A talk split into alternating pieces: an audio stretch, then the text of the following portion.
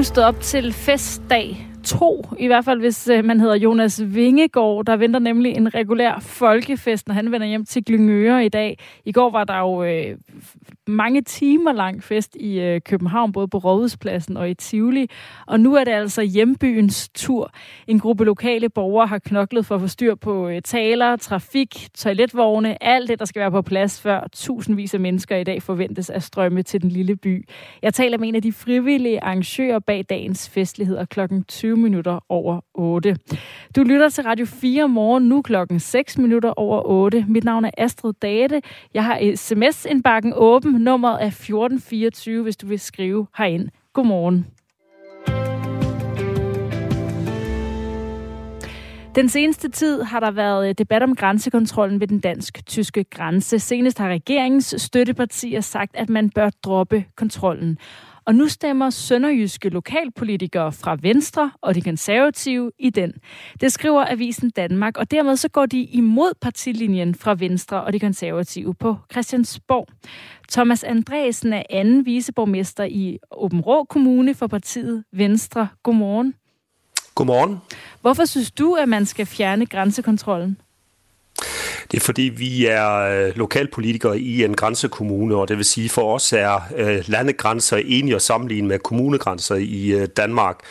Og det gør bare, at de gener, som vores medarbejdere, der bor på den tyske side og skal møde ind på job hver dag, øh, er så store, øh, at det er simpelthen til hindre for os efterhånden at kunne rekruttere medarbejdere derover. Så vi skal passe på, at vi ikke skræmmer folk væk øh, til at komme til Danmark ved, at der er den her grænsekontrol. Altså, du siger, at det er en kommunegrænse, men det er jo en landegrænse. Giver det ikke god mening, der er forskel?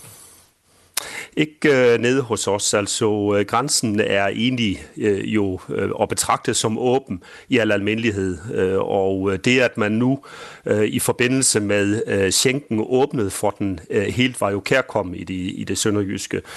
Øh, at der så har været en situation omkring øh, eksempelvis øh, det landspolitiske øh, med flygtninge øh, og øh, det omkring øh, terrorsikring, øh, Øh, det kan jeg godt forstå på landsplan, men når vi ser på det øh, lokalt, så er det vigtigt, at vi har åbne grænser. Thorsten Schack Pedersen, som er fungerende politisk ordfører for Venstre, siger til Avisen Danmark, at der løbende bliver afvist folk ved grænsen, så grænsekontrollen har en effekt. Hvad skal der til for, at grænsekontrollen ifølge dig vil give mening? Jamen, øh, den intelligente øh, grænsekontrol, altså det vil sige, at man i baglandet allerede laver nogle øh, forundersøgelser i forhold til at stanse folk øh, nede ved grænsen. Man laver øh, til tider nogle retsjager, hvor man øh, viser folk ind på nogle restepladser og laver 100% kontrol. Øh, samtidig så øh, er alt, hvad der har med øh, efterretning at gøre, øh, efter øh, min øh, opfattelse klogt. Men det er egentlig at mistænkeliggøre rigtig, rigtig mange øh, danskere, men herunder også rigtig mange udlændinge, altså turister. Øh, det giver ingen mening, når millioner skal kontrolleres for, at man øh, eventuelt snupper de få. Så i stedet for en øh, systematisk grænsekontrol, så en mere øh, efterretningsbaseret, målrettet kontrol. Er det i virkeligheden sådan, det var, inden grænsekontrollen blev indført? Ja, det var det. Øh, man øh, tog jo folk i baglandet, øh, og øh, i, i forhold til det jo også øh, med de efterretninger, der har været. Altså, så øh, et eller andet sted, øh, så er det et spørgsmål om, at vi jo her har et blandt andet erhverv. Vi har cirka 6.000 lastbiler, der hver dag skal krydse grænsen. Vi har 14.000 grænsependlere, der kører ind øh, til Danmark hver dag jeg arbejder. Og de holder altså for øjeblikket i kø sammen med øh, kærkommende turister. Det er ikke nær det, men øh, de har altså et job, de skal passe, og vi har altså også, øh, hvad kan man sige, et erhvervsliv, der skal køre. Og det bliver altså voldsomt generet for øjeblikket øh, af den måde, som grænsekontrolafviklingen øh, foregår. Der er jo så også en trussel, der skal sikres imod, og grænsekontrollen blev forlænget i maj i år med begrundelsen om, at Center for Terroranalyse vurderer, at terrortruslen mod Danmark fortsat er alvorlig. Er det ikke en meget god idé med grænsekontrol, når nu terrortruslen fortsat vurderes som alvorlig? Og men det er en vurdering, som jeg jo ikke kan tage stilling til. Øh, det er noget, som øh, er nogle andre mennesker, der, der varetager. Det, som vi sidder med, øh, det er jo det Øh, lokale, og der er ingen tvivl om, at øh, de beslutninger bliver truffet ind på øh, Christiansborg. Men så skal man altså også forholde sig til de scener, som der er, og det gør, at man som minimum i hvert fald skal sørge for, at der er vognbaner nok, og der er ressourcer nok, og at samarbejde med det tyske politi også kommer til at køre. For hvad hjælper det, at vi har tre eller fire spor i Danmark, hvis øh, vores øh, medarbejdere eller lastbilerne allerede holder i baglandet, altså 3-4 km ind i Tyskland, øh, i den samme kø som øh, turisterne.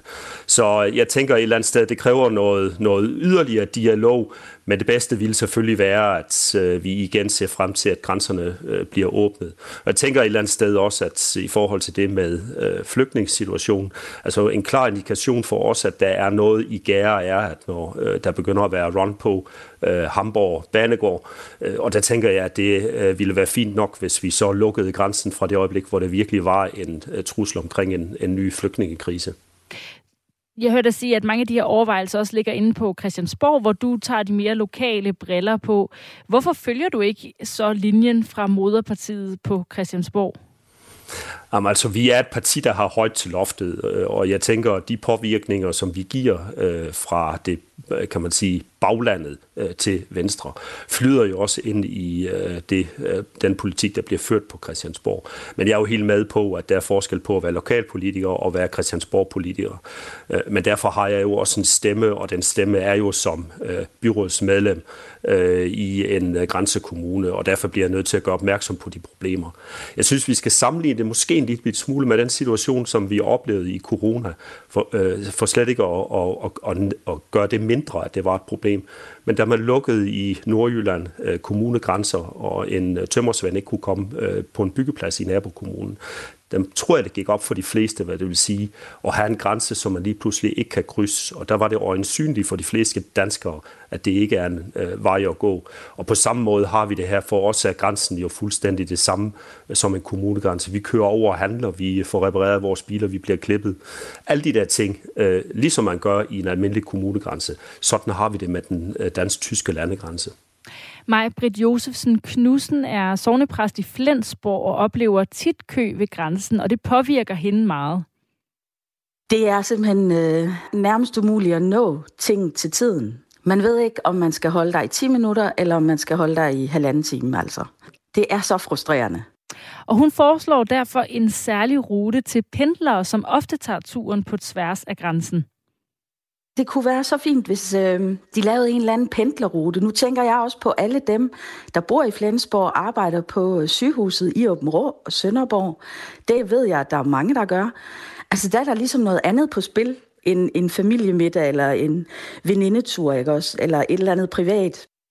Thomas Andresen, altså anden viceborgmester i Åben Kommune for partiet Venstre, der øh, siger imod øh, moderpartiet og partilinjen, som øh, gerne vil have den her grænsekontrol og egentlig gerne vil have den fjernet.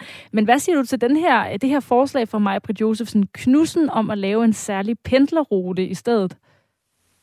Jamen, jeg synes, det er positivt, og jeg synes, at en være pragmatisk tilgang til at få løst problemet her og nu øh, er godt. Øh, det kræver øh, et nært samarbejde øh, med politiet på begge sider af grænsen. Øh, men det kræver så også i første ombæring, at øh, politiet får de beføjelser udstikket så fra øh, Folketinget eller Justitsministeriet. Men altså, det kan kun gå for langsomt at prøve på på en pragmatisk måde at få løst det her. Øh, og det er et spørgsmål om ressourcer, men det er altså også et spørgsmål om trafikflow. Fordi som nævnt, øh, et øh, grænsependlerspor hjælper jo kun, hvis du kan nå derhen. Og vi har bare oplevet, at hvis der er kø op til 10-15 km ind i Tyskland, jamen, så er det vanskeligt at nå hen til de her specielle afgange. Øh, vi har prøvet det ved at åbne nogle af de mindre øh, grænseovergange tidligere, også i forhold til, at vi også har landmænd, der har øh, marker og dyr på begge sider af grænsen og skal over. Og jeg møder en meget, meget stor imødekommenhed fra, øh, fra politiets side. Men altså, de har selvfølgelig nogle retningslinjer og en lovgivning, som øh, de skal efterleve. Så hvad er næste skridt for dig i forhold til at øh, sige farvel til den her grænsekontrol?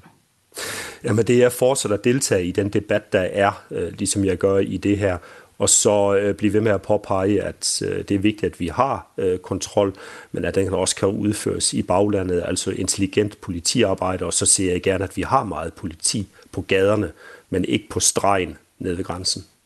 Tak for det, Thomas Andresen, anden viceborgmester i Åben Rå Kommune for partiet Venstre. Klokken er kvart over otte. Det blå hjørne er Radio 4's nye debatprogram med de mest markante borgerlige stemmer. Jeg er fløjtende ligeglad med, hvilken farve folk har. Der er mange blå partier, og de langer også ud efter hinanden. Hvordan i alverden kan det være i Danmarks interesse ikke at give sig selv den mulighed? Er de overhovedet enige om noget? Det, det, det, det, det trigger det? mig, fordi... Er de nej, det, nej, nej, nej, lad, lad mig nu lige tale ud. Og hvad ved de egentlig i det blå hjørne? Jeg føler en større forpligtelse til at hjælpe ukrainerne, og jeg har også en større lyst til det. Lyt med i morgen kl. 11. Radio 4 taler med Danmark. Over 20.000 mennesker har i nat fået at vide, at de er blevet optaget på en professionshøjskole. Det kan være lærer, pædagog, sygeplejerske eller socialrådgiver. Men det tal er ikke højt nok, mener Camilla Wang, som er forkvinde for danske professionshøjskoler. Jamen, det får en meget stor betydning for os alle sammen. Øh, Danmark er jo bygget op øh, som et stærkt velfærdssamfund, hvor vi øh, gerne skulle kunne føle os sikre på, at vores børn møder nogle dygtige, veluddannede pædagoger, når de starter i vuggestue og børnehave, at der er dygtige, veluddannede lærere, når vi skal i folkeskolen, og også at vi alle sammen, når vi har brug for det, øh, kan være sikre på, at der er en god uddannet sygeplejerske, når vi bliver øh, syge, eller når vi bliver ældre og har brug for det. Og det er jo, øh, det er jo den samfundsmodel, der, øh, der pludselig er under pres, når, øh, når ikke tilstrækkeligt mange unge har lyst til at uddanne sig den vej. Fordi det betyder, at, øh, ja, at, øh, at der ikke er medarbejdere og mennesker nok i, øh, i de vigtige funktioner. Lars har skrevet til 1424 en øh, uh, sms her til Radio 4 morgen. De er selv med til at tale deres fag ned. Camilla Wang, i hvor høj grad tror du debatten om uh, forhold og løn, særligt blandt sygeplejersker, påvirker negativt på antallet af ansøgere? Altså uden i øvrigt at tage stilling til, om det er rigtigt eller forkert, at, øh, at fagforeningerne kæmper for, øh, for vilkår, som de nu gør, så er der ikke nogen tvivl om, at det påvirker uddannelserne, når der er konflikt og, øh, og ballade på, øh, på de forskellige områder. Vi kunne tilbage i 2013 se, da der var konflikt på lærerområdet, at det med det samme smittede af på ansøgningerne til læreruddannelsen. Og på samme måde med den konflikt, der var på sygeplejerskeområdet i efteråret, så, øh, så er der heller ingen tvivl om, at det også påvirker de unges lyst til at blive sygeplejerske. Det skræmmer, det skræmmer simpelthen flere væk. Men på den anden side, så er der heller ikke nogen tvivl om, at det at have nogle gode arbejdsvilkår og have en fornemmelse af, at øh, ja, det job, man uddanner sig til, det også er, er attraktivt, og man kan gøre et godt stykke fagligt arbejde, og at der er gode øh, løn- og uddannelses- og udviklingsmuligheder. Det betyder jo også noget, så, øh, så det er et svært dilemma, øh, det her med, om man kan, om man kan kæmpe for sit fag uden at tale det ned. Men, øh, men der skal ikke have tvivl om, at det er noget, der er med til at skræmme de unge væk. I hvert fald lige her på den korte bane. Hvad kan I gøre fra danske professionshøjskoler for at forsøge at hæve antallet af ansøgere?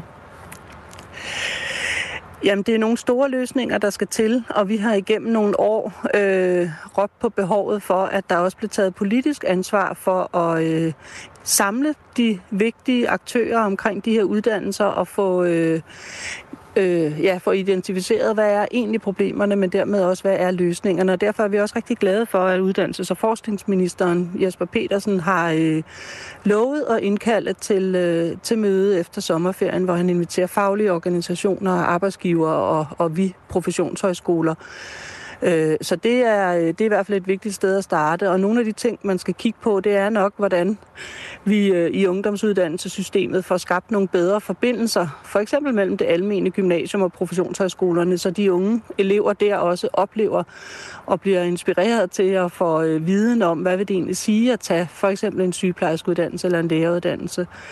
Øh, og så skal vi også have kigget på at få gjort uddannelserne attraktive, få investeret i dem, øh, så vi kan give endnu mere øh, god undervisning og skabe endnu stærkere studiemiljøer, ligesom man skal kigge på, hvad er det for et arbejde, man kommer ud til, øh, når man vælger for eksempel en sygeplejerske eller pædagoguddannelse. Så til øh, uddannelses- og forskningsminister Jesper Petersen, der vil I sidde til et møde og sige øh, mere løn til sygeplejerskerne og øh, flere håndværkere eller praktiske fag i folkeskolen?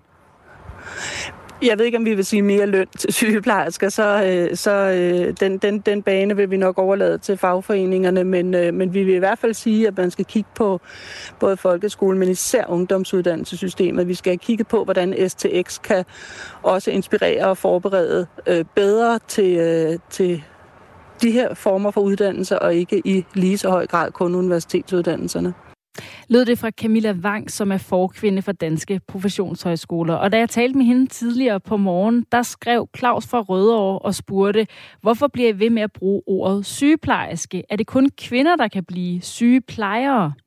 Og det kom der så et svar på fra Martin Johansen fra Frederikssund.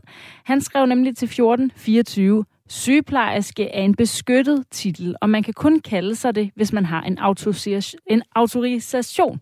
Det var øh, tidligere formand Kirsten Knalstek, der sørgede for det. En sygeplejer er en tidligere sygehjælper, der har fået en psykiatrisk videreuddannelse. Så altså ikke en mandlig sygeplejerske. Det hedder i princippet sygeplejerske, om man er mand eller kvinde, skriver Martin, som øh, PS selv er sygeplejerske og mand. Tak for øh, beskederne, og tak for opklaringen, Martin Johansen. Klokken er 21 minutter over 8. 600, 650 kilo gratis gulerodskage. En øh, køretur rundt i byen, eskorteret af byens børn, iført vinger og gule trøjer, festfyrværkeri og taler. Ja, det er selvfølgelig øh, Jonas Vingegaards øh, forberedte hjemkomst til Glyngøre, og blot brudstykker af det program, som de lokale har forberedt til ham, når han i dag skal fejres i hjembyen. Christian Rym her er organist i Glyngøre. Godmorgen. Godmorgen. Du er også en af tovholderne på dagens festligheder, og I har haft travlt til sidste øjeblik. Når jeg bliver helt klar til i dag? Ja, ja. Vi, vi er klar. Det, øh, men der er hele tiden ting, der lige skal ordnes, så, så der er travlt. Ja, for det er ikke, ikke sådan vant til sådan nogle store folkefester i øh, Glyngøre? Nej, ikke i den her størrelse, hvor vi nu begynder at tale politiet siger op mod 20.000 mennesker. Øh, det er vi slet ikke vant til. Det er jo en lille by på 1700 mennesker, så, øh, så folk har virkelig sat sig sammen og arbejdet på øh, for det her til at virke. Og hvad er det resulteret i? Hvad er det, der venter Jonas Vingegaard i dag til Folkefest i Glyngøre? Jamen, forhåben, forhåbentlig en øh, farverig og varm øh, øh, velkomst for ham. Øh, jeg tror, det bliver specielt for ham at komme hjem til sit eget, eget hjem og se den øh, pyntet og med masser af mennesker og med god underholdning og ja, og at vi alle sammen er så glade over det, han har, han har gjort. Så er der noget, du sådan glæder dig til at øh, vise ham, eller ja, hylde ham med? Ja, jamen, øh, stort set det hele, men øh, jeg synes, at det bliver, det bliver specielt at køre rundt med de her, de her børn foran ham øh, igennem byen. Det tror det, og vi, når vi kører ned ad bakken og kører langs vandet der, det tror jeg bliver utrolig smukt. I går der blev øh, Jonas Vingegaard jo fejret i København, og i dag går turen altså til hans hjemstavn Glyngøre, og det er 20 lokale arrangører, der sammen med 100 frivillige har planlagt et tæt pakket program til den nyslåede turvinder. Skive Kommune forventer øh, tusindvis af mennesker tager del i fejringen. Øh, de seneste tal er, at politiet kunne forvente, at der kom op mod 25.000, og derfor er der også indsat shuttlebusser, som kan køre de mange mennesker fra parkeringspladser til Glyngøre by. Dem, der har mulighed for det, opfordres også til at tage en cykel og generelt komme i god tid og have tålmodigheden pakket med. Og der er jo ikke nogen af jer i uh, tovholdergruppen, der jo har erfaring med at planlægge store arrangementer, fik, uh, fik du lige sagt, Christian. Så hvordan har det været som by at løfte den her opgave? Jo, altså, de, øh, jeg er jo lige flyttet til for et år siden, men øh, sidste år afholdt de jo også en, øh, noget for Jonas Vingegaard. Så de er vant til at planlægge nogle ting, og så er men slet ikke i det her, det her regi. Sidste år blev ja. han jo øh, ja, nummer to. Hvad har I gjort ekstra i år? Jamen, alting er jo, er jo simpelthen bare blevet udbygget, og at alle støtter op om det med lokale virksomheder og folk, der kommer frivillige. Og, jamen, det betyder bare, at vi kan, vi kan udbygge alle de øh, idéer og, og tanker, vi har om at kunne lave en, en, en fest, der vil øh, sådan være i Jonas' ånd. Det nærmeste, jeg kan sådan sammenligne det med sådan stemningsmæssigt, er sådan noget festival, hvor man bor øh, og øh, overnatter, sådan noget som Roskilde Festival. Men i en by som Glyngøre, hvad betyder det for, for sådan, øh, forholdet mellem jer, at I arrangerer sådan en her fejring sammen? Jamen, det er jo stort set ligesom at tage på, øh, hvis man var et band, der tager på turné, hvor der, jamen, der er jo både konflikter op- og nedture, og man øh, lige pludselig bryder ud i latter over noget, fordi man har været frustreret. Og, altså, det binder virkelig folk sammen, og det er sjovt, og det, det er rart at lære mennesker at kende, øh, hvor man lige kommer lidt tættere på og ser hinandens kanter og alt det her. Og, og det har bare været så sjovt, og ja, og du har jo selvfølgelig, øh, som du sagde, for nylig flyttet til Glyngøre for, for et år siden. Men ja. kan du fornemme, hvad det betyder for en by som Glyngøre at have en Tour de France-vinder boende? Jamen altså, det er jo at have en verdensstjerne lige, lige midt i byen, og det giver jo et kæmpe fokus til, øh, til, øh, ja, til Glyngøre, og nu kan folk jo komme ud og se, hvor smukt Glyngøre egentlig ligger med udsigt over Sallingsund og Sallingsundbroen og Nykøbing og Fur, kan man se, at det er virkelig et meget, meget fint sted. Og ikke et særligt stort sted. Der bor godt 1.500 mennesker i Glyngøre, og I forventer, der kommer rigtig mange til byen i dag. Der bliver talt om øh, op mod 25.000. Er der overhovedet plads til så mange mennesker i Glyngøre?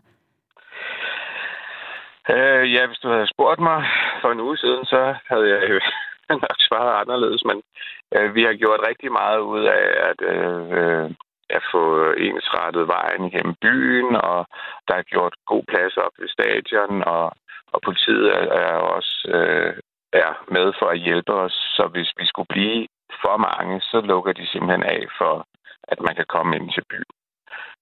Så det bliver forsvarligt at afholde det her arrangement. Det bliver ovenpå. Der jo allerede var en øh, fejring i øh, København. Jeg ved ikke, øh, om du havde travlt med at gøre klar til i dag, eller om du også kunne følge lidt med på øh, Jonas Vingegaards fejring i går. Jeg har simpelthen ligget vandret i den sidste uge, så jeg har intet set eller hørt om det i går, desværre. det kunne jeg forestille mig. Men, øh, men øh, jeg har fulgt med, jeg fulgte simpelthen med hele ja. dagen. Og, altså, sådan, det var nemlig det var nemlig super godt, men det var også det var også altså, det var også rigtig meget og nu var jeg jo øh, jeg, jeg var der ikke. Jeg så det bare i fjernsynet. Øh, ja. så jeg var så langt fra øh, hovedpersonen som man overhovedet kunne komme, og jeg kan slet ikke forestille mig hvordan det var for Jonas Vingegaard først at øh, blive fløjet ind med de her øh, jetfly øh, omkring sig, og så køre hele vejen fra Amager ind til Rådhuspladsen i København, hvor han altså gav high fives Altså, han har givet 10.000 high five, tror jeg, hele vejen, så man tænker, at den der arm må være lige så ødelagt som benene. Ja. Og så op på balkongen, og så videre i Tivoli, hvor jeg bare tænkte, hold nu op en træt dag. Tror du overhovedet, at der, at der, at der kan rummes mere fejring, når han så skal videre til Glyngøre i dag? Ja, han har jo altså nogle kræfter i sig, som, øh, som få har. Så øh, lurer mig, om han ikke lige, lige har kræfterne til at glæde sig til at komme hjem og se mange af de mennesker, han kender. Og, og øh, ja, ja, men helt sikkert, han må være træt. Det må være surt lige at have overstået Tour de France, og så skal man lige have en ordentlig tur til igennem flere lande og med fester. Og, men øh, Ja, men det er jo sikkert også en utrolig smuk oplevelse at se, hvor mange mennesker, der støtter ham. Og se den glæde, han bringer til, til så mange mennesker. Hvad tror du er forskellen på at blive fejret i øh, København på Rådhuspladsen, og så blive fejret i øh, Glyngøre? Mm, det tror jeg ikke. Der, altså, det, er jo, det er jo selvfølgelig øh, forskelligt, at, at det er ens øh, hjemby, der, der fejrer en af dem, man kender. Og det at komme hjem til sit hus og tænke, ah, nu er jeg hjemme igen. Det var en ordentlig rejse, vi har været på. Men det er da også fantastisk at stå i hovedstaden og blive fejret af hele nationen. Så det er, det er da kun øh, luksus at kunne have begge, begge muligheder. Og jeg kan lige nå til sidst at spørge dig om, jeg ved, I har lavet en særlig hyldest i uh, kirken. Hvad er det, den går ud på? Jamen, øh, vi har øh, fået lavet en lydinstallation op i kirketårnet, så der er god lyd af, af både øh, cykelklokker og kirkeklokker og børn, der ringer med deres cykelklokker. Og så, øh, så der kommer lidt ekstra feststemning ud over byen. Når Jonas Vingegaard altså kommer hjem i dag. Tak for det, Christian Rømke, organist i Glyngør og en af de frivillige arrangører i dagens fejring. Klokken er slået halv ni. Asbjørn Møller har ordet med en omgang nyheder.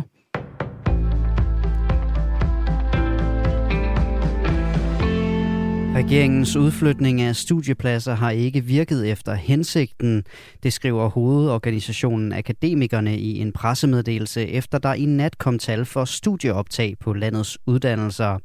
Der er ledige pladser på 7 ud af 10 uddannelsesudbud uden for de større byer, skriver de. Og det vidner om, at efterspørgselen efter uddannelser uden for de større byer ikke er til stede i det omfang, regeringen forestiller sig. Det siger akademikernes formand Lisbeth Linds. Det er den forkerte vej at gå at reducere antallet af uddannelsesmuligheder i byerne, som regeringen og en række af Folketingets partier vedtog sidste år. I stedet bør man ifølge hovedorganisationen Akademikerne prioritere ordentlig uddannelseskvalitet og gode beskæftigelsesmuligheder, hvis lokalområderne i provinsen skal styrkes, siger hun. Seks uddannelser i mindre byer bliver ikke oprettet på grund af for få ansøgere. Det er uddannelser i byerne Horsens, Herning, Sønderborg, Viborg og Randers, det skriver DR. Homoseksuelle mænd bør i en periode begrænse antallet af seksuelle partnere for at undgå spredning af sygdommen abekopper. Sådan lyder den seneste opfordring fra Verdenssundhedsorganisationen WHO ifølge Sky News. Mænd, der dyrker sex med mænd, bør overveje antallet af seksuelle partnere og tænke sig om en ekstra gang, inden de har sex med en ny partner. Derudover bør man udveksle kontaktoplysninger med alle nye partnere, så man efterfølgende kan komme i kontakt, hvis nødvendigt. Det siger WHO's generaldirektør Tedros Adhanom. Det skriver DR. Sundhedsstyrelsen oplyser, at spredningen af abekopper i Europa primært har fundet sted blandt mænd, der har haft sex med mænd, ofte i forbindelse med rejser. Indtil nu er der registreret 18.800 tilfælde af sygdommen hos mennesker. Langt størstedelen er blandt homoseksuelle. Rusland forventer at blive på den internationale rumstation frem til mindst år 2028. Det har russiske rumfartsmyndigheder meddelt den amerikanske rumfartsorganisation NASA. Det siger NASA's rumfartschef til nyhedsbyrået Reuters. I går lød meldingen fra Jurij Borisov, den nyvalgte chef for Ruslands rumagentur Roskosmos, ellers at Rusland ville forlade den internationale rumstation efter år 2024 og i stedet arbejde på at bygge sin egen rumstation. Men russerne vil altså til sydlandene alligevel blive på den internationale rumstation. Ifølge NASA-chefen vil russerne nemlig blive øh, mindst indtil landets egen rumstation er bygget i 2028. Ekspetiente burde have grebet ind, da George Floyd mistede livet under brutal anholdelse, som lyder en afgørelse ved den amerikanske domstol.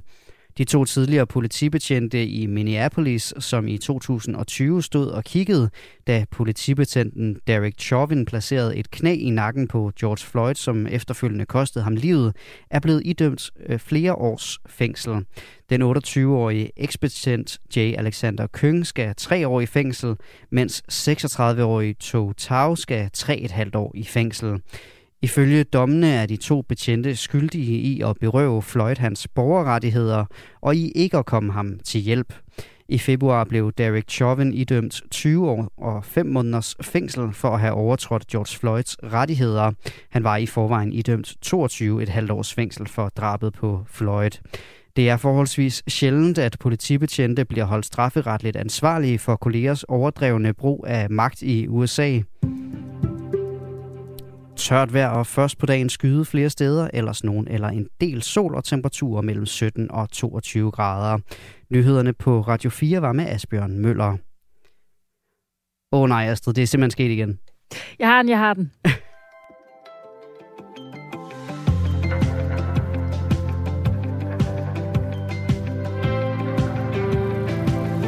Og det var jo altså jinglen, vi lige skulle have på, der øh, gør, at du måske kan høre, det er Radio 4 morgen, du er stået op til her, hvor klokken er 4 minutter over halv ni. Og øh, vi skal tale om indeklima. Der er en sms, der skriver, at øh, stop hysteriet om corona. Ventilation er vigtig for børns trivsel og burde være klaret for længst. Og det er altså fordi, at øh, med udsigterne til en øh, mulig coronabølge i efteråret, så er spørgsmålet om skolernes indeklima kommet på dagsordenen igen. Skolernes sommerferie lager jo nemlig mod enden, og det betyder altså tilbage foran tavlen og frem med bøgerne. Og det bliver en helt almindelig skolestart, uden nogen coronarestriktioner. Skolerne opfordres nemlig kun til at følge Sundhedsstyrelsens generelle anbefalinger. I England der starter de også i skole snart, og her er flere fagforeninger gået sammen om at skrive til uddannelsesminister James Cleverly. De opfordrer til, at tiden i sommerferien bliver brugt på at beskytte skoler i England i forhold til læring og sundhed i efteråret og vinteren, forud for altså en potentielt kommende coronabølge. Øverst på fagforeningernes ønskeliste er flere penge til skoler for at forbedre ventilationen, og indtil det forbedres, så opfordrer de regeringen til at levere effektive luftfiltre til alle skoler i september. Netop bedre ventilation er også strengt nødvendigt herhjemme. Det mener Geo Clausen, som er indeklimaforsker på DTU. Forbedret ventilation er det noget, vi har opfordret til i en, en årrække. Og øh, det er klart, det kommer til at tage lidt tid øh, at, at få ordentlig ventilation i, i de danske folkeskoler. Vi har undersøgt det øh, flere gange, og øh, i cirka halvdelen af skolerne er der utilstrækkelig ventilation. Og kommer der en ny omgang coronavirus, så kan dårlig ventilation medføre flere konsekvenser. Dels har det nogle, nogle, øh, nogle konsekvenser i form af en, en, en større smittebelastning, altså at der er en større risiko for, at, at, at børnene bliver syge, når vi bliver, øh, får en, en større tæthed af, af den luftborne virus, øh, som, som vi nu ved, at den kan være. Men derudover er det jo også sådan, at øh, vi ved øh, i dag, at, øh, at den manglende ventilation har en betydning for børnenes øh, indlæring og for deres trivsel lød det altså fra Geo Clausen, indeklimaforsker på Danmarks Tekniske Universitet. Marie Hermansen er formand for Danske Skoleelever, og hun mener også, der bør kigges på indeklimaet. Det fylder rigtig meget hos os, øh, fordi det netop er sådan en generel tendens, som der også bliver nævnt her, at øh, indeklimaet ude på skolerne, det slet ikke er godt nok, og det er jo både på grund af corona, eller det har det også været under corona, men det har det faktisk også været før corona, og vil det også fortsætte med at være, lige meget om der kommer en, en coronabølge mere eller ej.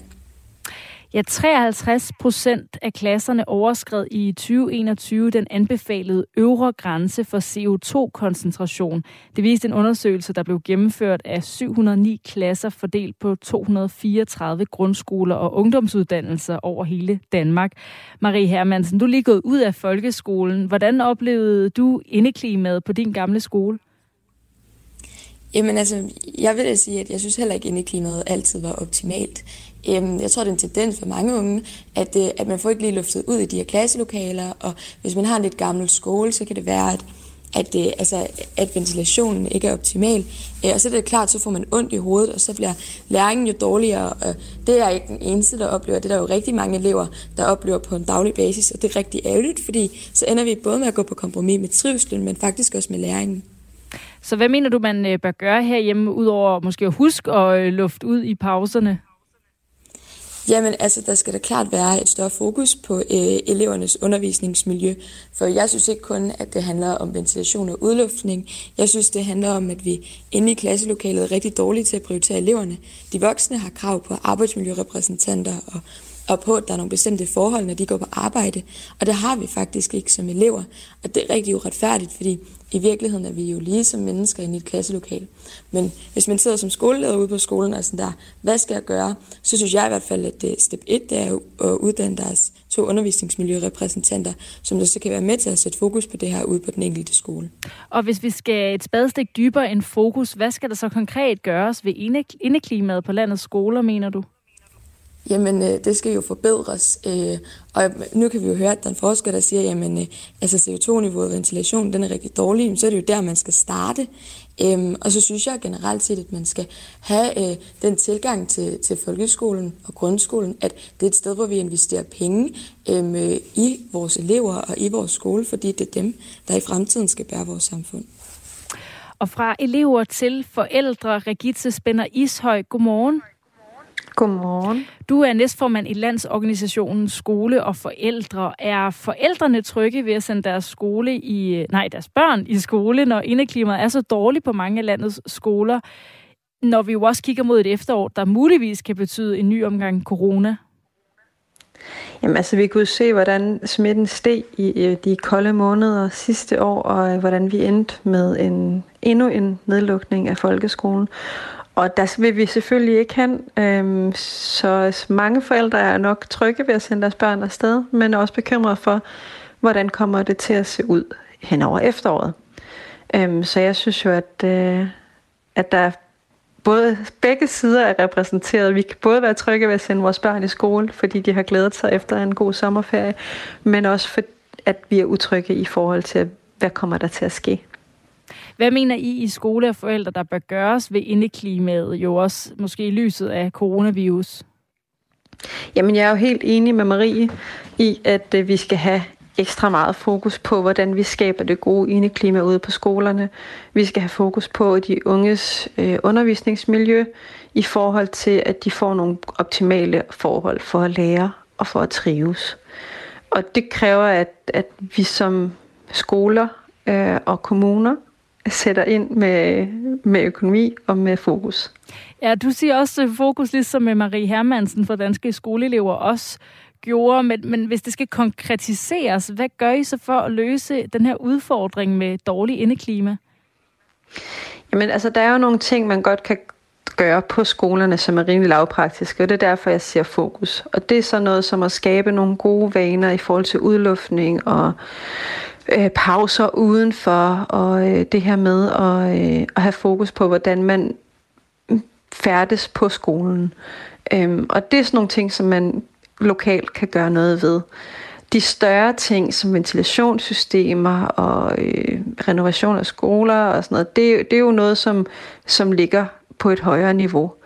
Øh, der er nogle ting, som den enkelte skole kan gøre, men øh, budgetterne er begrænsede, og, øh, og det kan være besværligt at, øh, at løfte alle skolens elever på samme tid. Øhm, der er brug for øh, mere, øh, mere opbakning fra kommunen og fra regeringen til at skabe nogle gode folkeskoler, hvor børnene kan have de optimale forhold.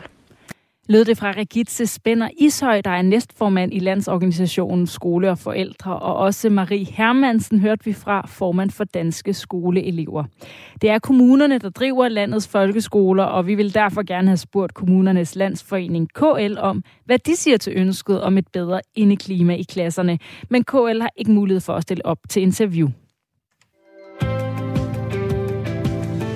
I nat blev spændingen udløst for de knap 80.000 danskere, der i år har søgt ind på en videregående uddannelse. Antallet af ansøgere er det laveste i 10 år, og ca. 60.000 kom ind på uddannelse. Vi vender tilbage til øh, tendenserne for de unges studievalg om lidt. Først øh, godmorgen til Bjarke Tapgaard Hartkopf. Godmorgen områdeschef for videregående uddannelser i Danmarks Evalueringsinstitut EVA. Og hvor har vi fanget dig? Der er lidt puslende i baggrunden. Ja, jeg sidder på en resteplads i, i Tyskland, så jeg beklager, hvis der lige er lidt øh, ah, baggrundsstøj. det er så fint. Øh, lad os lige starte med at se på den historie, vi har fortalt øh, her på morgen. Vi har jo haft fokus på, hvordan de unge studievalg påvirker samfundet, fordi mens færre søger ind på en videregående uddannelse, så er der flere, der snupper et ekstra sabbatår. Ifølge tal fra Uddannelses- og Forskningsstyrelsen havde 41 procent af ansøgerne til videregående uddannelse i år haft tre sabbatår eller mere. Og det tal lød altså på 33 procent i 2018. I restaura- øh, restaurationsbranchen der er de glade for, at flere unge venter med at søge ind på uddannelse. Du får lige lov at høre Christian Nørgaard, som er politisk direktør i brancheorganisationen Horesta. Rigtig mange bidrager jo stadigvæk, øh, mens de holder sabbatår. Det kan være, at man gerne vil, vil tjene skilling til at komme ud og rejse, eller øh, få, få tjent nogle penge, efter man har, man har gået på en ungdomsuddannelse. Så jeg tror i hvert fald, det er vigtigt, at man ikke øh, til at starte med taler det, det at tage et, øh, et sabbatår eller to ned. Omvendt er Mads Lundby Hansen, der er cheføkonom og vicedirektør i Tænketanken Cepos, bekymret for de unges hang til sabbatår. Det betyder nemlig, at beskæftigelsen blandt de unge er lav sammenlignet med andre befolkningsgrupper. Det er meget, meget lang tid. Meget, meget lang betænkningstid. Det er jo sådan i øjeblikket, at der går vi hårdt til de ældre pensionsalderen den øges, efterlønsalderen den øges, for at seniorerne skal arbejde effektivt så lang tid som muligt. Men jeg synes, når vi kigger på de unge, så synes jeg, at der er en diskrepans. Fordi hvis man kigger på de unge 25-34-årige, så ligger deres beskæftigelsesgrad ret lavt. Øh, den ligger kun nummer 26 ud af 38 OECD-lande. Generelt ligger vi meget højt på beskæftigelsesgraden. Men lige præcis omkring de unge mellem 25 og 34, der ligger vi øh, tæt på bunden. Og det hænger blandt andet sammen med, at unge øh, danskere, de tager rigtig mange øh, sabbatår. Så for at øge beskæftigelsen blandt de unge, for at få en bedre samfundsøkonomi, jamen så er det øh, min anbefaling, at man tilskynder de unge til at starte tidligere øh, på deres studie, øh, og det kan man øh, fremme ved for eksempel at halvere SU'en, hvis man tager mere end to sabbatår lyder forslaget altså fra Sebas. Og tilbage til dig, Bjarke Tapgaard Hartkoff, som altså er områdeschef for videregående uddannelser i Danmarks Evalueringsinstitut. Hvad ved vi om, hvad de unge bruger deres sabbatår på? Jamen, øh, vi, vi har lavet en stor survey, hvor vi har spurgt dem om netop det her med, hvad, hvad er det, de foretager sig i den her periode mellem de afslutter en ungdomsuddannelse, og så de starter på studiet. Og, øh, og det, det viser først og fremmest det, som, som øh, øh Christian Nørker han også var inde på, det her med, at jamen, der, altså, faktisk så er der 88 procent, der svarer, at de har haft lønnet arbejde. Så det er der jo i hvert fald noget om, selvom det jo nok ikke er med helt samme måske produktivitet, som hvis de havde færdiggjort en uddannelse. Øh, øh, Derudover så er der også rigtig mange, der tager på udlands, udlandsophold. Det svarer 46 procent. Øh, og mange dyrker også deres fritidsinteresser, øh, eller laver frivilligt arbejde, eller tager gymnasiale suppleringsfag. 15 procent tager på højskole, øh, osv. Så, videre. så det er lidt broet billede. Øh. Og hvilke forskel er der på studietiden for de unge, der har taget et sabbatår, og de unge, der ikke har? Ja, for det har vi nemlig også kigget på, så øh, altså dem, der tager sabbatår over for dem, der ikke gør. Og der kan vi se, at der i hvert fald er et lavere frafald for dem, der, øh, der tager sabbatår, øh, sammenlignet med dem, der slet ikke gør. Øh, og vi kan også se, øh, vi har også spurgt ind til, om de oplever, at deres faglige forudsætninger, om det bliver bedre i løbet af deres øh, sabbatår. Og det svarer øh, 70 procent, at de gør. Øh, det kan jo måske være lidt svært for dem helt at vurdere det om, omkring studiestart, hvor vi har spurgt dem, men, men der er i hvert fald mange, der føler, at, at de også øh, rent fagligt øh, er bedre klædt på, øh, efter de har taget sabbatår. Øh, og det, det bliver jo så også bakket op af, at de har en lavere frafaldsrisiko, kan man sige. Så der er, man kan tale om, der er nogle fordele øh, ved de her sabbatår, som man ikke kan måle på samfundsøkonomien. Ja, det kan man jo så nok også sige, at, at øh, det jo selvfølgelig også er en mulighed for unge mennesker for at lave noget, øh, som de gerne vil i deres liv, og som kan være svært at gøre på andre tidspunkter. Så, så, så, øh, så man skal jo selvfølgelig også være opmærksom på, at det jo ikke, øh, det, det er ikke kun sådan samfundsøkonomiske gevinster, man, man kan få ud af det. Øh, det synes jeg bestemt også er en, er en væsentlig indvending. Udover at vælge, hvor mange sabbatår man gerne vil have som ung, så er der jo også et valg i, om man overhovedet vil begynde på en videregående uddannelse. Og der er færre, der har søgt ind i år. Hvordan øh, kan det ses på øh, dette års optag til de videregående uddannelser? Jamen, vi kan jo se, nu, nu, nu, er, nu ligger optaget, vi kommer jo i forlængelse af to år, der ikke har været særlig normale, øh, så optaget er jo faldet meget, hvis vi sammenligner med de to foregående år, men det er også faldet sammenlignet med 2019. Altså, der er det 9% færre, øh, der har søgt ind i år, end, end der gjorde i 2019.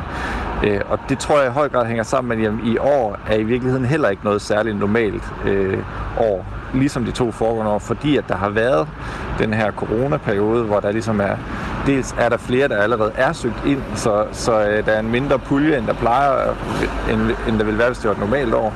Øh, og dels er der måske også flere, der har brug for at komme ud og rejse, eller gøre nogle andre ting øh, i deres sabbatår, end, end der ellers ville have været. Øh, så, øh, så det tror jeg i hvert fald spiller ind. Tidligere i år kom øh, regeringen med et udspil til et nyt optagelsessystem for de videregående uddannelser, og der ligger regeringen blandt andet op til, at flere skal søge ind via kvote 2. Derudover ønsker regeringen et loft for karakterkrav til videregående uddannelser. Det vil betyde, at hvis en uddannelse har et højere snit end 10, så skal ansøgerne til en optagelsesprøve. Bjarke Tapgaard Hardkoff, der har altså været politisk snak om at ændre optagelsessystemet. Kan det se på årets optag, om det er noget, der påvirker de unges valg? Altså, det er jo svært at sige med, sådan med helt sikkerhed, men der er i hvert fald noget interessant i, at vi kan se, at karakterkvotienterne er generelt faldet i år. Det hænger jo sammen med også, at når færre søger ind, er der mindre konkurrence. Så, så hvis du har et øh, karaktergennemsnit på 7, jamen, så har du faktisk adgang til mere end 80 procent af uddannelserne, hvor, hvor øh, øh, tidligere var det 77, og i år, sidste år var det 77 procent af uddannelserne. I år tror jeg, det er 82 procent af uddannelserne, man har adgang til med, med sådan et karaktergennemsnit på 7. Så generelt er kvotienterne faldet, men så er der nemlig den interessante undtagelse, at hvis vi kigger på uddannelser med kvotienter, der er højere end 10, jamen så er der faktisk lige så mange uddannelser, som der plejer at være, der har så høje kvotienter. Øh, og det er, jo, øh, det, det er jo der, hvor man har snakket om, at, at øh, uddannelser med kvotienter, der er højere end 10, at de skal have optagelsesprøver. Øh, så det kunne jo godt være, at, at dem med de høje karakterer, de har tænkt, at så må vi hellere skynde os at søge ind i år, øh, fordi at næste år ved vi ikke, hvilke øh, kriterier, hvilke prøver vi skal igennem for at blive optaget på den uddannelse, vi gerne vil ind på. Så, det, så måske kan det allerede have, have haft en effekt på den måde, men det er selvfølgelig svært at sige helt entydigt. Lød det altså fra Bjarke Tapgaard Hardkorf om øh, nogle af de bemærkelsesværdige øh, ting ved optaget til videregående uddannelser i år. Bjarke Tapgaard Hardkorf er områdeschef for videregående uddannelse i Danmarks Evalueringsinstitut. Det er ikke en god idé at lade unge køreelever uden kørekort øve sig i en privatbil med ledsager. Det gør de blandt andet i Norge og Sverige, og det ligger regeringen herhjemme nu også op til et nyt lovudkast. Men landsformand for Dansk Kørelærer Union, Ben Grohe, mener altså, at det er en dårlig idé. Det, der er et problem i det, det er jo, at der er ikke nogen mulighed for, at far og mor kan bremse en bil. Og når jeg tænker på i mine 27 år i branchen, hvor mange gange jeg har bremset for at undgå en ulykke, og vi snakker undgå en ulykke, så kan jeg godt frygte, at øh, vi kommer til at se nogle, øh, nogle kedelige uheld. I gårsdagens interview her i Radio 4 Morgen mente Bent Grue også, at det vil give landets forsikringsselskaber store udfordringer, hvis loven træder i kraft. Men det mener Anders W. Frederiksen nu ikke er et problem. Han er kommunikationsdirektør hos Top Danmark. Jamen altså, nu er det sådan, at øh, en øh, bilforsikring, og det er jo det, vi taler om i den her sammenhæng, den dækker, den dækker normalt forskellige øh, øh, ting. Altså der er øh, jo en, en ansvarsforsikring, som er lovpligtig, øh, så hvis du med bilen forvolder skade på andre, så går den ind og dækker. Og så har vi en, en kaskoforsikring også normalt, som, som dækker, hvis der sker noget med selve bilen. Og så kan man også vælge sådan en, en førerdækning, øh, så hvis der sker noget med dig som fører. Øh, men, men udgangspunktet, det er som regel sådan en, en ansvars- og en kaskosforsikring. Så er der styr på, hvis der sker noget med bilen, og hvis der sker noget med andre omkring dig i trafikken. Og det, der er situationen, det er, at sådan en bilforsikring, den følger normalt bilen øh, i Danmark. Og, øh, og det vil sige, at øh, hvis du er 55 år og elitebilist, og du har købt en bilforsikring til din bil, jamen øh, så får du den på de vilkår, som du, øh, som du, øh, som du nu engang sådan har indgået med dit forsikringsselskab. Hvis du så har en ung 17-årig teenager derhjemme, der er i gang med at erhverve kørekort, og, øh, og den her lovforslag bliver gjort til lov, jamen så er, øh, så er det jo lovligt, at den 17-årige kører med dig øh, som ledsager. Øh, og, og, og under forudsætning af, at, at det sker på lovlig vis, jamen så dækker bilforsikringen, fordi bilforsikringen den følger bilen. Lidt uafhængigt af, hvem der sidder i bilen. Øh, på samme måde som, som det er sket her på det seneste, hvor vi de sidste 3-4 år jo har haft en forsøgsordning med, at, øh, at unge kunne, øh, kunne køre, køre bil med ledsager, indtil de blev 18 så, hvis de kørekort selvfølgelig. Så på den måde ændrer det ikke så meget øh, forsikringsforholdene, hvis øh, det her lovforslag bliver til virkelighed, som altså indebærer, at både eleven og ledsageren også gennemfører et såkaldt ledsagerkursus, der skal sikre, at de begge ved, hvad ledsagerens opgave er. Derudover lyder forslaget, at ledsageren skal være fyldt mindst 25-30 år, det er jo et øh, lovforslag under bearbejdning, og have haft kørekort i 3-5 år. Den model kendes fra Sverige og Norge. Her der kan elever køre ledsaget fra de 16 år gamle. I lovudkastet overvejer regeringen, om eleven skal bestå teoriprøven, før ledsaget kørsel bliver en mulighed. Og landsformanden i øh, Dansk Kørelærerunion, Ben Grohe, gjorde sig øh, tre konkrete bekymringer på forsikringsselskabernes vegne, hvis lovforslaget træder i kraft. Og vi tager dem lige en af gangen, så kan du få lov at svare. Her kommer den første. Vil forsikringsbranchen være med til, at der kører en rundt ude i trafikken, der ikke har et kørekort. Vil uh, Top Danmark kunne acceptere forsikringer til bilister uden kørekort, hvis der er en ledsager? Jamen altså, hvis det bliver gjort til lovgivning, så er vi jo nødt til at acceptere det. Altså, øh, fordi det er jo sådan set Folketinget, der bestemmer, hvad det er for en type færdselslovgivning, vi har. Og hvis det er lovligt, jamen, øh, så dækker forsikringen også.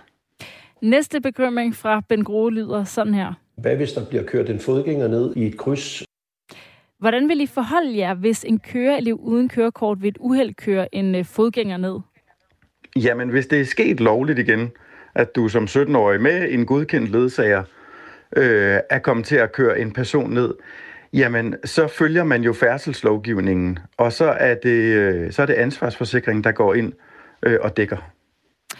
Og sidste bekymring fra Dansk Kørelærer Union. Hvem skal miste kørekortet? Hvem skal ikke miste kørekortet? Hvis der er et alvorligt uheld, hvor øh, en står til at miste kørekortet, hvem skal så være ansvarlig i øh, forsikringsøje med at dække omkostningerne? Jamen igen, hvis det er en alvorlig ulykke, øh, og, øh, og man ikke har brudt den øh, ændring af færdselslovgivningen, som vi taler om nu. Altså hvis man har overholdt øh, reglerne og loven, jamen så går vi jo øh, ind og dækker. Hvem der så skal miste kørekortet, Øh, det tager vi jo ikke stilling til. Det er jo noget, der må øh, fremgå af færdselsloven. Øh, så, øh, så, så udgangspunktet er igen, altså at hvis du overholder øh, lovgivningen, jamen så, så dækker forsikringen som udgangspunkt, fordi at den følger bilen og ikke føreren. Hvad kommer det til at betyde for selvrisikoen, hvis der opstår uheld med en køreelev uden kørekort, men med en ledsager i stedet? Ja, det er jo så et godt spørgsmål. Fordi det der er situationen, det er, at øh, langt de fleste forsikringsselskaber i dag har en forhøjet selvrisiko for unge, og det er så lidt forskelligt, hvad der er øh, grænsen. I Top Danmark, der er grænsen 24 år, så hvis du er under 24 år øh, og kører bil, så har man en forhøjet selvrisiko. Og øh, jeg er helt sikker på, at det vil vi også se for de her helt unge, øh, uerfarne bilister. Så konklusionen er, at prisen bliver muligvis lidt højere, men det kan godt lade sig gøre forsikringsmæssigt at have en ordning, hvor man øh, har ledsaget kørsel, mens man tager sit kørekort. Jamen det kan det jo, og, øh, og, og, og vi, øh, vi har jo også som udgangspunkt, tænker jeg, en, en interesse i at, at ruste vores meget unge og uerfarne bilister øh, til at øh, og, og, øh, og færdigt i trafikken, fordi vi jo ser øh, så mange uheld lige netop i den her alderskategori sagde Anders W. Frederiksen, kommunikationsdirektør hos Top Danmark. Uh, der var lige en sms, jeg vil have med på den. Arne, han har nemlig skrevet til 1424. Det er en rigtig god idé at hjælpe unge mennesker med at lære at få kørekort. Jeg har kørt med alle mine fire børn på en afsides vej for bare at lære koblingspunktet, skriver Arne. Tak for den besked. Og øh, nu er der ikke øh, mange minutter til, at Radio 4 Morgen er færdig for i dag, men øh, vi kan lige nå at dykke ned i det, som øh, du har ventet på. Den veletablerede årlige tradition. Tidligere præsident i USA, Barack Obama, deler sin sommerplayliste. Og det er jo øh, altid noget, der flexer en øh, musiksmag sådan helt i synk med tidsånden. Jeg ved ikke, hvor meget hjælp han får til at lave den, men der er i hvert fald 44 bredt repræsenterede sange på, og vi skal lige høre lidt af dem.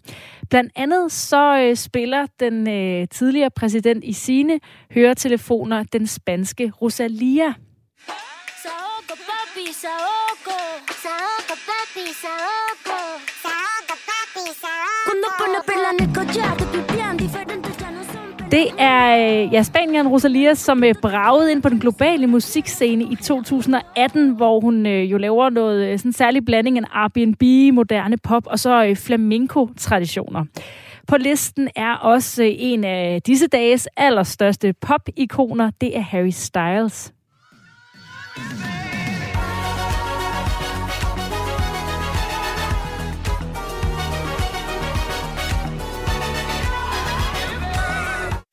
Der er også uh, Kendrick Lamars fra hans nye album Die Hard. Det er en lidt anden genre.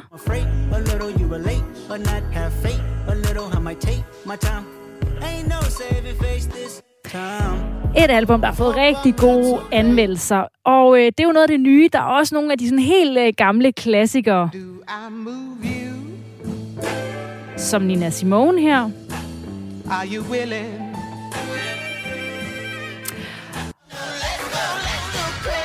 Og Prince er der også plads til. Og på den måde, så er Radio 4 morgen færdig for i dag. Klokken er 9.